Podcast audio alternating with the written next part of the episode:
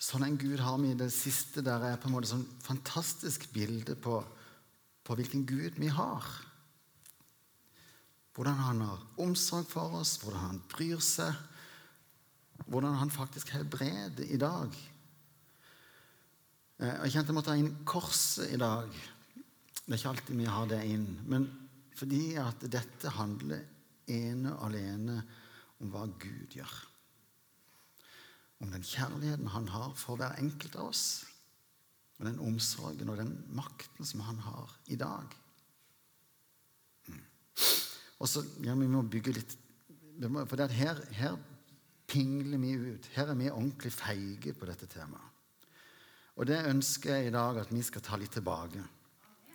Og historien om Adrian Nå er den noen år gammel. Han, er, han, han skal si to, må si noe om det, for han kjenner Adrian. Det er ikke så lenge siden jeg traff han sjøl. Han ble jo ordentlig mirakuløst helbreda. Og så skal han ha litt sånn ferskt å fortelle. Men ja, fortell, Terje. Jeg var ikke forberedt på hva det gjør med meg å se historien. Å, fytti! Ja. Det er jo det er så vanvittig um, fra det utgangspunktet som Adrian hadde. I dag hvor han kjøpte seg leilighet på Nærbø, har ferdig med studiene, har kjæreste, uh, planlegger å reise ut i misjon. Uh, men, men uh, ingenting i kroppen funker. Hvordan Gud Ingenting er umulig for ham. Ingenting er umulig for Gud. og som Ove sier, så Eh, så bærer vi nok alle på disse Ja, men, eh, men jeg har jo bedt. Eh, og så, og så står vi og Jeg tror i dag så står vi på et valg hvor vi må velge om vi vil møte det med ja, men eller amen.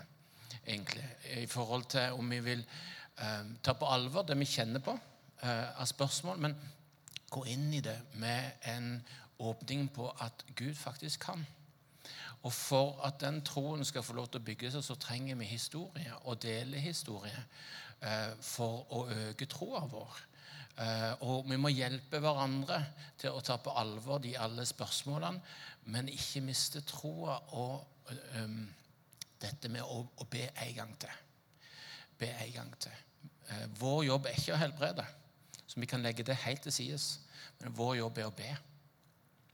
Eh, men hvis alle disse ja-men stopper oss i å gjøre det som er vårt ansvar, så blir det aldri noe amen til slutt.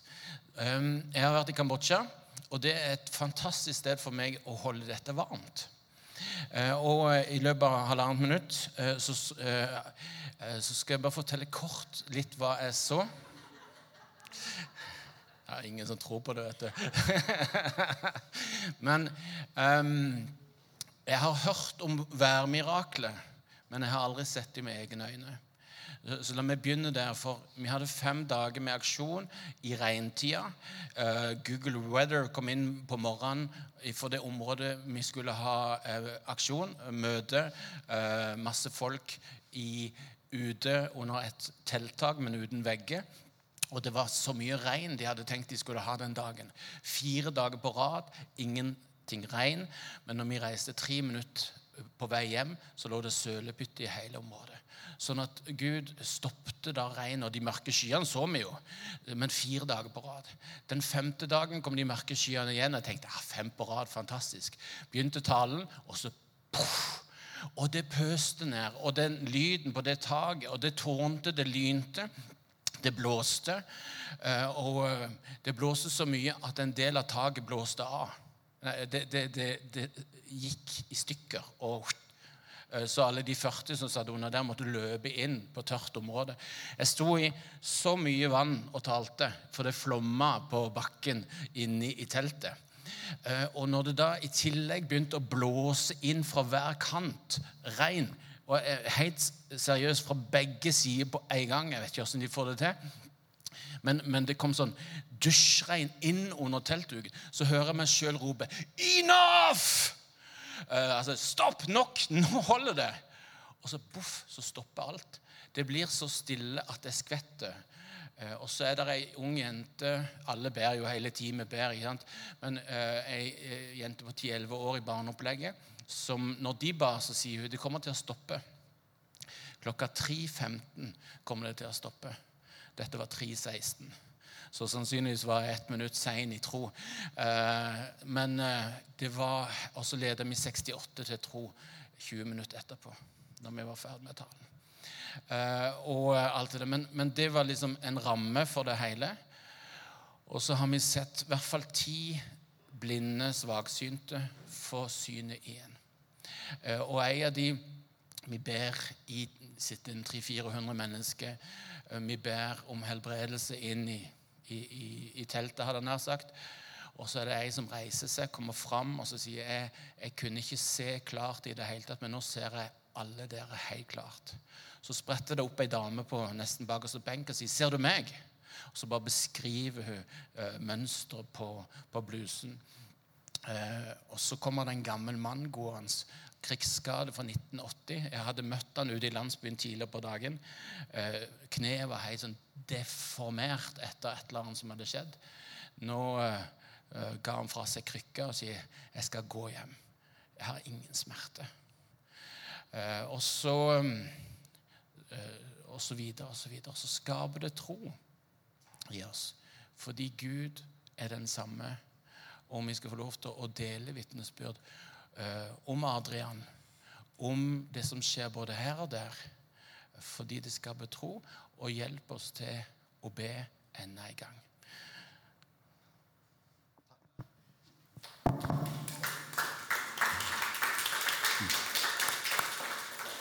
Takk skal du ha, Terje. Da har vi skapt en liten sånn grunnlag for dette Og Det har vært litt sånn fascinerende når jeg har forberedt denne her talen og har snakket med andre om hva som er tema til søndagen. Og så sier jeg jo det helbreder Gud i dag. Og da har jeg flere ganger fått nettopp den responsen som vi fikk her med innledninga hvor folk svarer ja. Eh, og det er jo fantastisk, fordi at eh, Altså, vi tror jo Gud helbreder, det er ikke det. Eh, men dette er jo allikevel et sånn vanskelig tema, hvor jeg opplever at vi, vi feiger litt ut fordi at vi eh, altfor ofte erfarer at Gud ikke helbreder.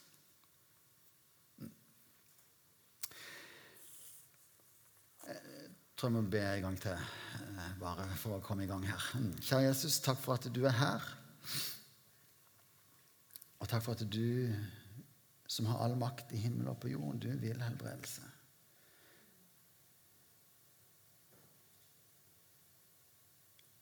Tal til oss, rør med oss, gi oss frimodighet, Jesus. Mm. Amen. Det er store deler av eh, det som står i Bibelen om Jesus og hans liv, omhandler helbredelse. Faktisk så er det sånn at en fjerdedel av historiene i evangeliene omhandler eh, helbredelse. Men òg i Det gamle testamentet så er det mye helbredelse. Da er det profetene som ber for syke, og så blir de helbreda. Du har f.eks. historien om Naaman, han denne hærføreren som reiser til Elisha, får beskjed ja, til og med gjennom tjeneren der, om å gå og dyppe seg syv ganger i Jordanelva. Og så blir han fullstendig helbredet. Han var spedalsk, men ble fullstendig helbredet. Men, men, store deler av Jesu liv og virke omhandler også helbredelse. Og Det virker som overalt hvor han kommer, så kommer det syke til ham. Han ber for dem, og så blir de helbredet. Han til og med opp døde. Når Jesus starter sitt virke på jord, når han innleder i begynnelsen av sin tjeneste, så innleder han med fra Markus 1.: Tiden er inne, Guds rike er kommet nær. Vend om og tro på evangeliet. Og når Jesus underviser og snakker og det gjør han ofte om Guds rike eller himmelriket. Faktisk er det nevnt 82 ganger i evangeliene. Matteus bruker himmelriket, og de andre bruker Guds rike. Så er Jesus klar på at himmelriket eller Guds rike, det er her, det er nå, det er nær. Og når Jesus sender ut disiplene for at de skal forkynne evangeliet, så sier han i Matteus 10.: Gå og forkynn, himmelriket er kommet nær. Helbred syke, vekk opp døde, gjør spedalske rene og driv ut onde ånder. Det er med andre ord helt klart at helbredelse det er ikke noe som bare Jesus hadde tenkt at bare han skulle gjøre. Det er jo noe som disiplene skulle gjøre, selv om for så vidt Gud som gjør det gjennom dem. da. Eh, og det er heller ikke noe som skulle vente til vi en gang kommer til himmelen. Til vi en gang er framme, til vi hadde nådd målet. For himmelriket, det er nær. Det er nå. Og helbredelse og gjenopprettelse er helt klart en del en del av det å være i Guds rike. Og jeg vet, Dette har jeg sagt mange ganger før, eh, og jeg kommer helt sikkert til å si det mange ganger til òg. Men, men, jeg tror det er så viktig det at vi skjønner at Guds rike det er her. Det er nå. Det er ikke noe som bare kommer en gang langt der framme. Det er ikke bare et mål når vi en gang er ferdig her på jord. Det er nå. Det er i dag. Det er fortsatt ikke fullkomment, for vi er fortsatt en del av denne verden, men vi er like fullt en del av himmelriket nå. Ofte så lever vi som om det bare er noe som kommer. Vi glemmer at vi er en del av det allerede nå. Vi er så prega av denne verdens kav og mas, og hva denne verden sier, er viktig, at vi helt glemmer det som har evighetsperspektiv. At vi ikke helt ser at Guds rike allerede er nå. Noen har en helt spesiell gave til å helbrede. Når Paulus underviser i Korinterne 12, så er gaven til å helbrede en av de gavene som Gud utruster noen på en spesiell måte med. Men han er også tydelig på at dette er noe som vi alle skal gjøre. Det er en del av det å, leve i Guds rike. Vi leste det just når han sender ut de tolv disiplene, men også senere når han sender ut de 72.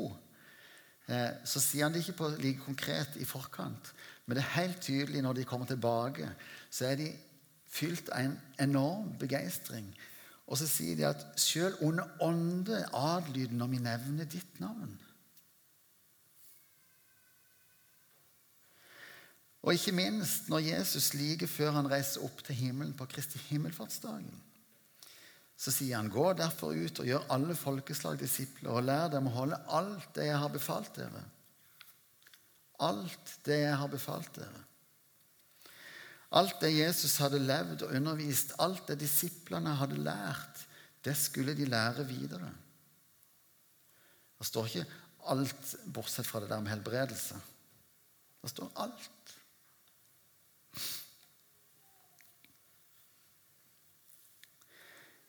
I Gamle testamentet så var det profetene som kunne be for, om helbredelse. Eh, og så kom Jesus. Han ba for mange om helbredelse. Og han lærte disiplene at òg de skulle gjøre det.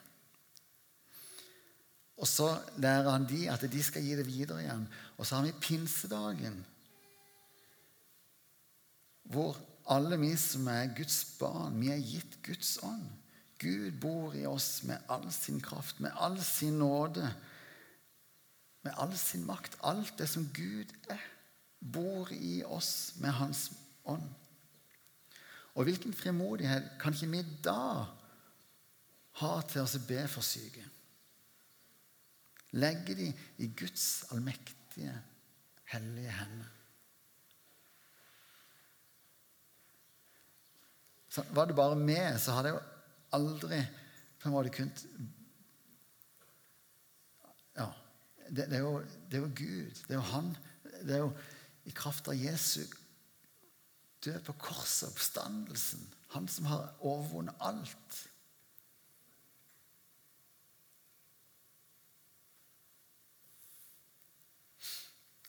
Òg når vi ser tida etter de første kristne, så er det òg mye helbredelse. Hvis du leser hva de har skrevet, noen av disse gamle kirkefedrene som levde på 200-, 300- og 400-tallet. Irenius, Rigenes og Augustin, så ser vi at da òg er, er, livet til de kristne prega av at folk blir helbreda. Augustin han skriver, han forteller om noen av disse helbredelsene som har skjedd. Og Så utbryter han på et tidspunkt hva skal jeg gjøre? Jeg er så presset av løftet om å gjøre ferdig dette arbeidet at jeg kan ikke skrive ned alle de miraklene jeg vet om. Selv nå blir mirakler gjort av den samme Gud som gjorde dem vi leser om, gjennom hvem han vil, og slik han vil. Det skjer så masse at han, han, han har ikke tid til å skrive det ned engang. Vi må ikke lure oss sjøl til å tro at dette med helbredelse det var bare noe som var for Jesus og disiplene, og helt spesielt utvalgte.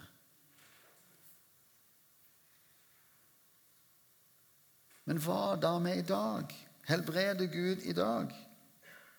Helbreder Gud i Norge? Eller er det bare i Kambodsja og sånn andre land at det skjer sånt nå? Av en eller annen grunn så hører vi det veldig mye oftere fra andre land.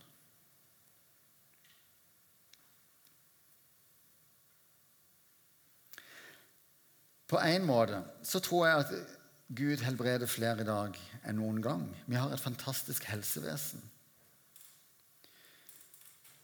Eh, og jeg tror at Gud bruker doktorer og medisiner sånn at vi kan bli helbreda. Jeg tror Gud har gitt oss kunnskap og evne til å behandle syke, og at en doktor er involvert, ikke utelukker at det er Gud som helbreder. Samtidig er det ingen tvil om at våre erfaringer om at Gud ikke helbreder, vår skuffelse, har en tendens til å prege vår frimodighet til å be om helbredelse. Og jeg må si for egen del òg Så jo, jeg, altså jeg er helt, helt, sikker på at Gud kan helbrede. Det, det tviler jeg egentlig ikke et sekund på. Men jeg kan allikevel kjenne på en tvil når jeg skal be for noen om Gud vil helbrede. Eh, og, jeg, og på et vis så kan jeg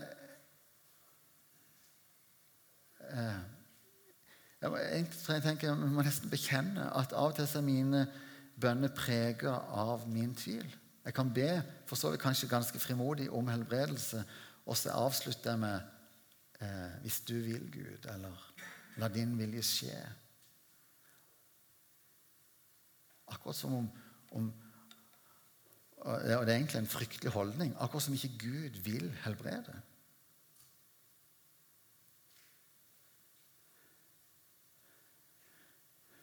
Det er en av de tingene som jeg har lyst til å løfte opp i dag. Gud vil helbrede.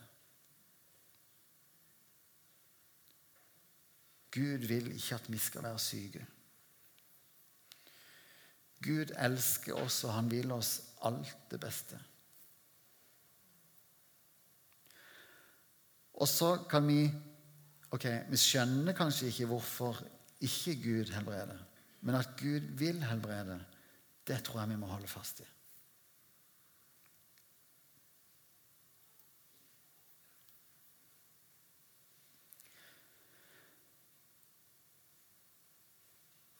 Og Jeg tror heller ikke at Gud sender sykdom for å lære oss noe eller for å straffe oss. eller et eller annet sånt. Jeg tror Gud kan bruke sykdom, at han kan snu det til noe godt nå. Men han sender oss ikke sykdom.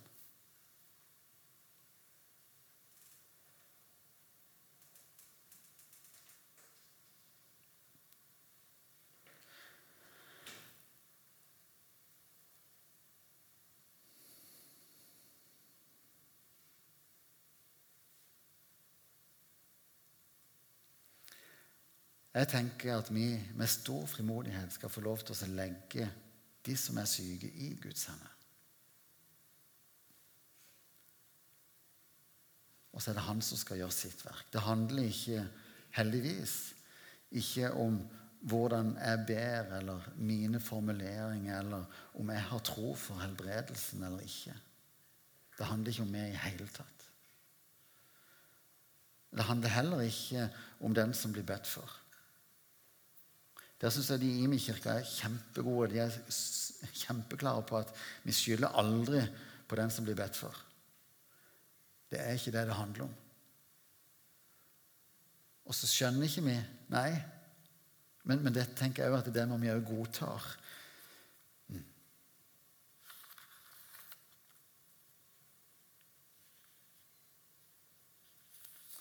Å be om helbredelse er ingen trylleformel.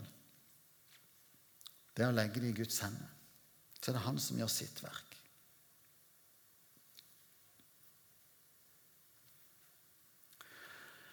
Ofte så kan jeg tenke at eh, det vil være strategisk lurt av Gud å helbrede. Det vil vekke oppmerksomhet. Det vil, Gud, det vil, få folk til å forstå at Gud er allmektig. Hvis møtene våre var preget av helbredelse, så vil det jo strømme inn folk. Og dette vil jo tjene Guds sak eh, veldig bra. Eh, og av og til så kan jeg tenke, så kan jeg egentlig si til Gud at, at, Eller ikke si Nei, det var ikke så konkret. Jeg ikke. Men jeg kan iallfall tenke litt sånn skjult bak i hodet mitt at Gud burde vært litt mer strategisk.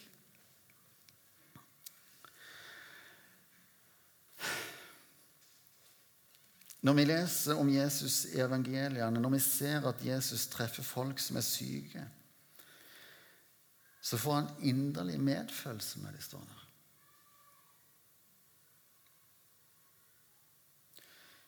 Gud helbreder ikke fordi det er strategisk lurt, eller fordi at vedkommende er ekstra flink eller verdifull, eller hva det måtte være. Gud helbreder fordi han elsker.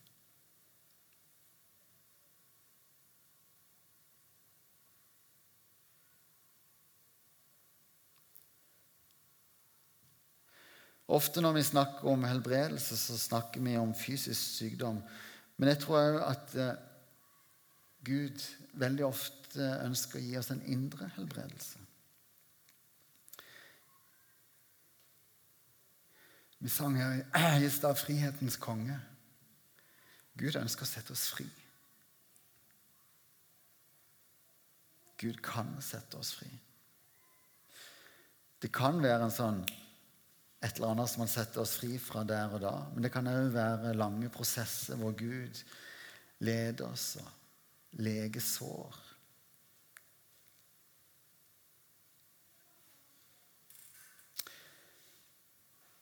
Jeg har sjøl fått lov til å erfare det de siste årene, hvordan Gud veileder meg inn på, langt inn på dypet og viser meg gammelt grums som jeg egentlig ikke har vært klar over, eller iallfall ikke vært klar over i hvilken stor grad det preger meg. Og så leger han sår. Og så gir han nye tanker.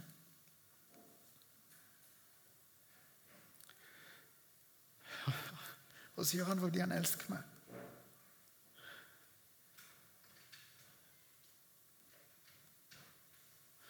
Og så kan Gud bruke noe som på en måte er vondt. Til noe som er nå i etterkant kan si at eh, på en måte hvor jeg ser Eller jeg har sett en dybde i Guds kjærlighet som bare er på en måte så enorm, så grenseløs.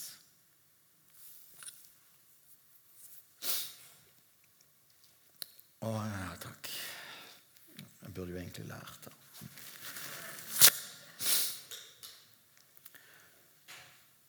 Og hvor Gud på en måte han gjør Gud er grundig. Ikke sant?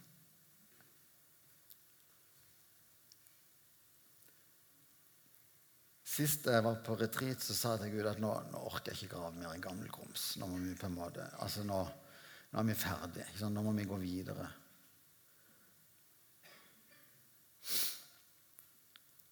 Jeg opplevde meg sjøl klar for det. ikke sant?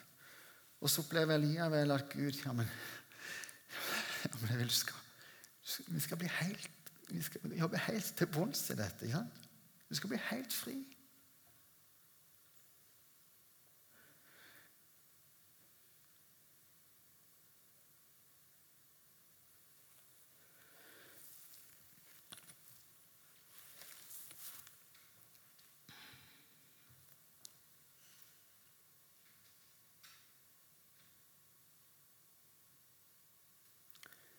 Guds kjærlighet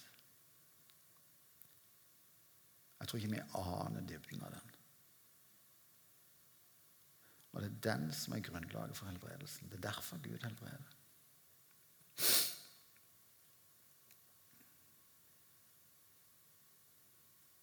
Og den trenger vi ikke tvile på, dere.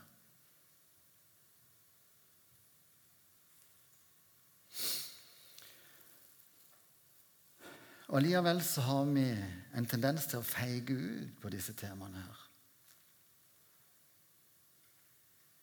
Det er ikke sikkert dere føler det sånn, men jeg føler det sånn.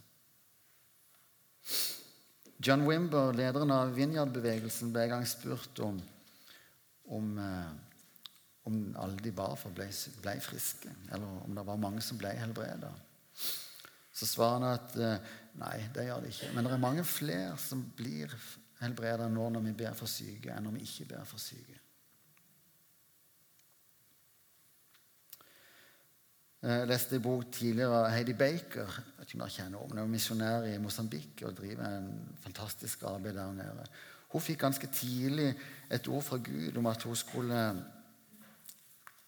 skulle be for, eh, for døve folk. Eh, og hun ba for døve folk. Hver gang hun traff noen eller hørte noen som var døve eller hadde problemer med hørselen, så ba hun for dem. Og når hun hørte noen, så ba hun måtte de lede, de, lede hun til dem, sånn at hun kunne be for dem. Hun ba og ba, og ingen ble helbreda. Inntil plutselig en dag så var det ei som ble helbreda. Og etter det så er det mange eh, jeg, ikke, jeg husker ikke tall her. Det er mange som har blitt helbreda. Men før det var noen som ble helbreda, så hadde hun bedt for flere hundre døve. Det jeg prøver å si, er at våre manglende erfaringer med helbredelse, helbredelse tar fra oss frimodigheten til å be om helbredelse. Og så ber vi for færre mennesker, og så blir det en sånn nedadgående spiral. Istedenfor at vi forteller vitnesbyrdene, forteller det vi opplever. Og så får vi en oppadgående spiral istedenfor, hvor vi inspirerer hverandre og skaper frimodighet og skaper tro.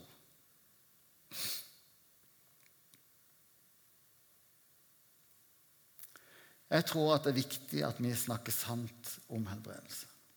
Både at vi er frimodige på å fortelle vitnesbyrdene om det som skjer, men at vi òg tør å sette ord på skuffelsene våre. Erfaringene våre som vi har kjent på at ja, men Gud helbreder jo ikke. Fordi at når vi tier stille, det er det ingen som er tjent med. Når vi setter ord på vår skuffelse, så kan man ut fra det få en prat om hva dette er for noe. Og så kan man ut fra det gå videre.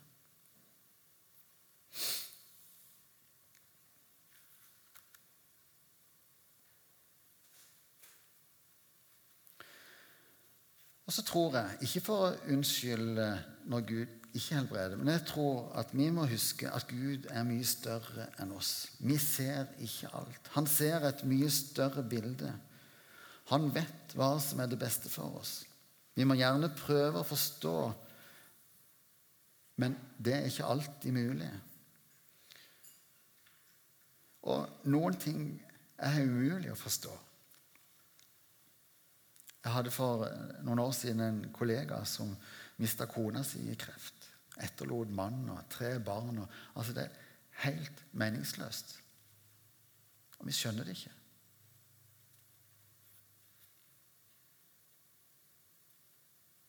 Men jeg tror òg at Gud svarer oftere enn vi tror. Vi bare ser det ikke helt fordi at Gud svarer på en litt annen måte enn hva vi egentlig hadde tenkt. Kanskje var vi innom sykehuset, og, og da tenker vi ikke at vi ble helbreda. Jeg har en helt annen rygg i dag enn jeg har for, hadde for halvannet år siden. og tenker at Det har jeg jammen meg jobba hardt for, fordi at jeg trener iallfall to-tre ganger i uka. Og det er takket være meg sjøl at jeg er så god i ryggen som jeg er i dag. Ja. Kanskje var det sånn Gud ville helbrede meg. Jeg vet ikke.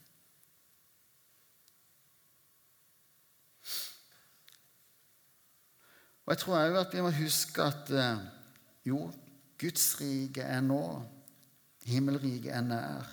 Men vi er òg en del av dette riket. Vi er en del av Norge. Vi er en del av denne verden. Og Peter skriver at djevelen går omkring som en brølende løve og prøver å finne noen å sluke. Altså, Gud har ikke fjernet alt det onde i denne verden ennå. Luther skriver om eh, 'allerede, men ennå ikke'. Ikke Vi er en del av Guds rike nå, men det er allikevel ikke fullkomment ennå.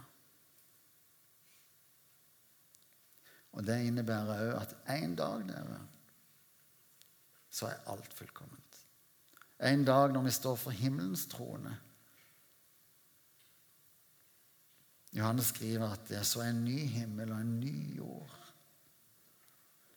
Og ingen sorg, ingen smerte.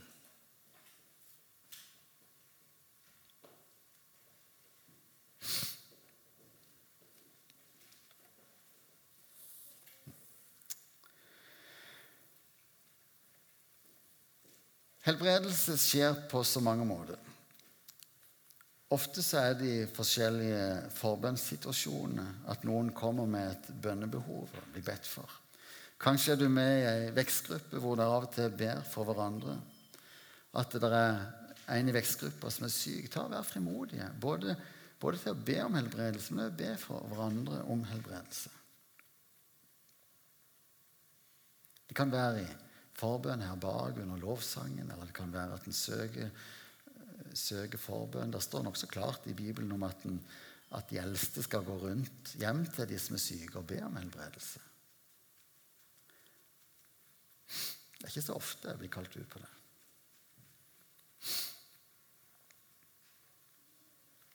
Og så erfarer vi òg eh, i senere tid en del ganger at Gud gir kunnskapsord. Altså at Gud minner noen om at det er noen altså Litt på en konkret måte, om det kan være en fysisk smerte som de kjenner i et kne, eller de får en tanke eller en dato eller et ord eh, På en eller annen måte noen som skjønner at ok, men, men dette er faktisk meg det gjelder. Og så får en det sparket bak til, til å gå til forbønn.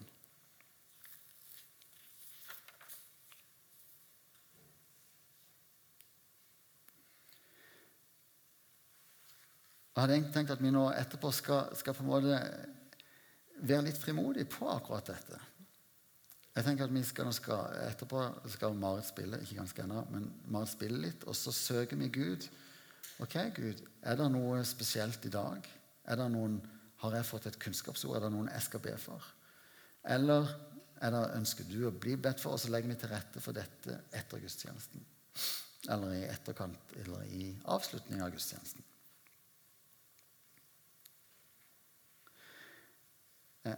Og så kjenner jeg at dette er på en måte litt skummelt, fordi at dette er ikke noe som jeg er veldig vant til å, å på en måte få veldig respons på.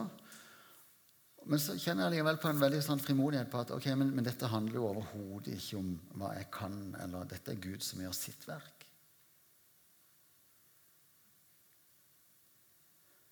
Og så tenker jeg at vi skal ha frimodighet for å dele på det som vi får.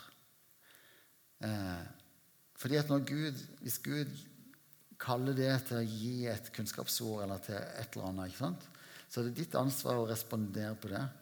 Men det er Guds ansvar å gjøre noe mer med det. Det er ikke opp til det. Og her tenker jeg at vi med frimodighet skal få lov til å prøve oss fram.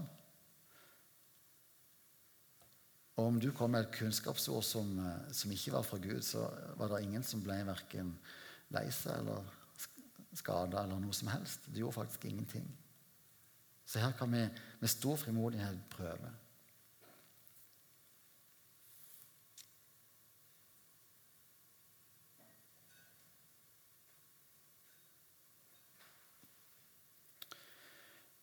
Eh, noe av det som har vært viktig for meg når jeg forberedte talen, det handler egentlig om om at Gud må gi oss frimodighet til å be for syke. Eh, jeg opplever at denne verden tar fra oss denne frimodigheten.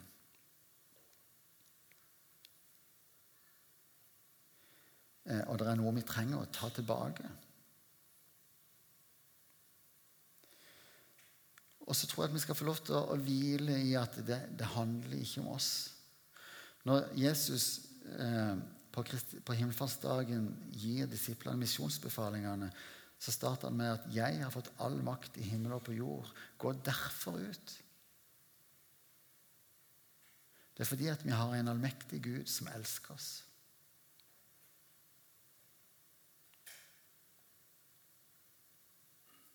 Derfor kan vi ha frimodighet på å gå i tro.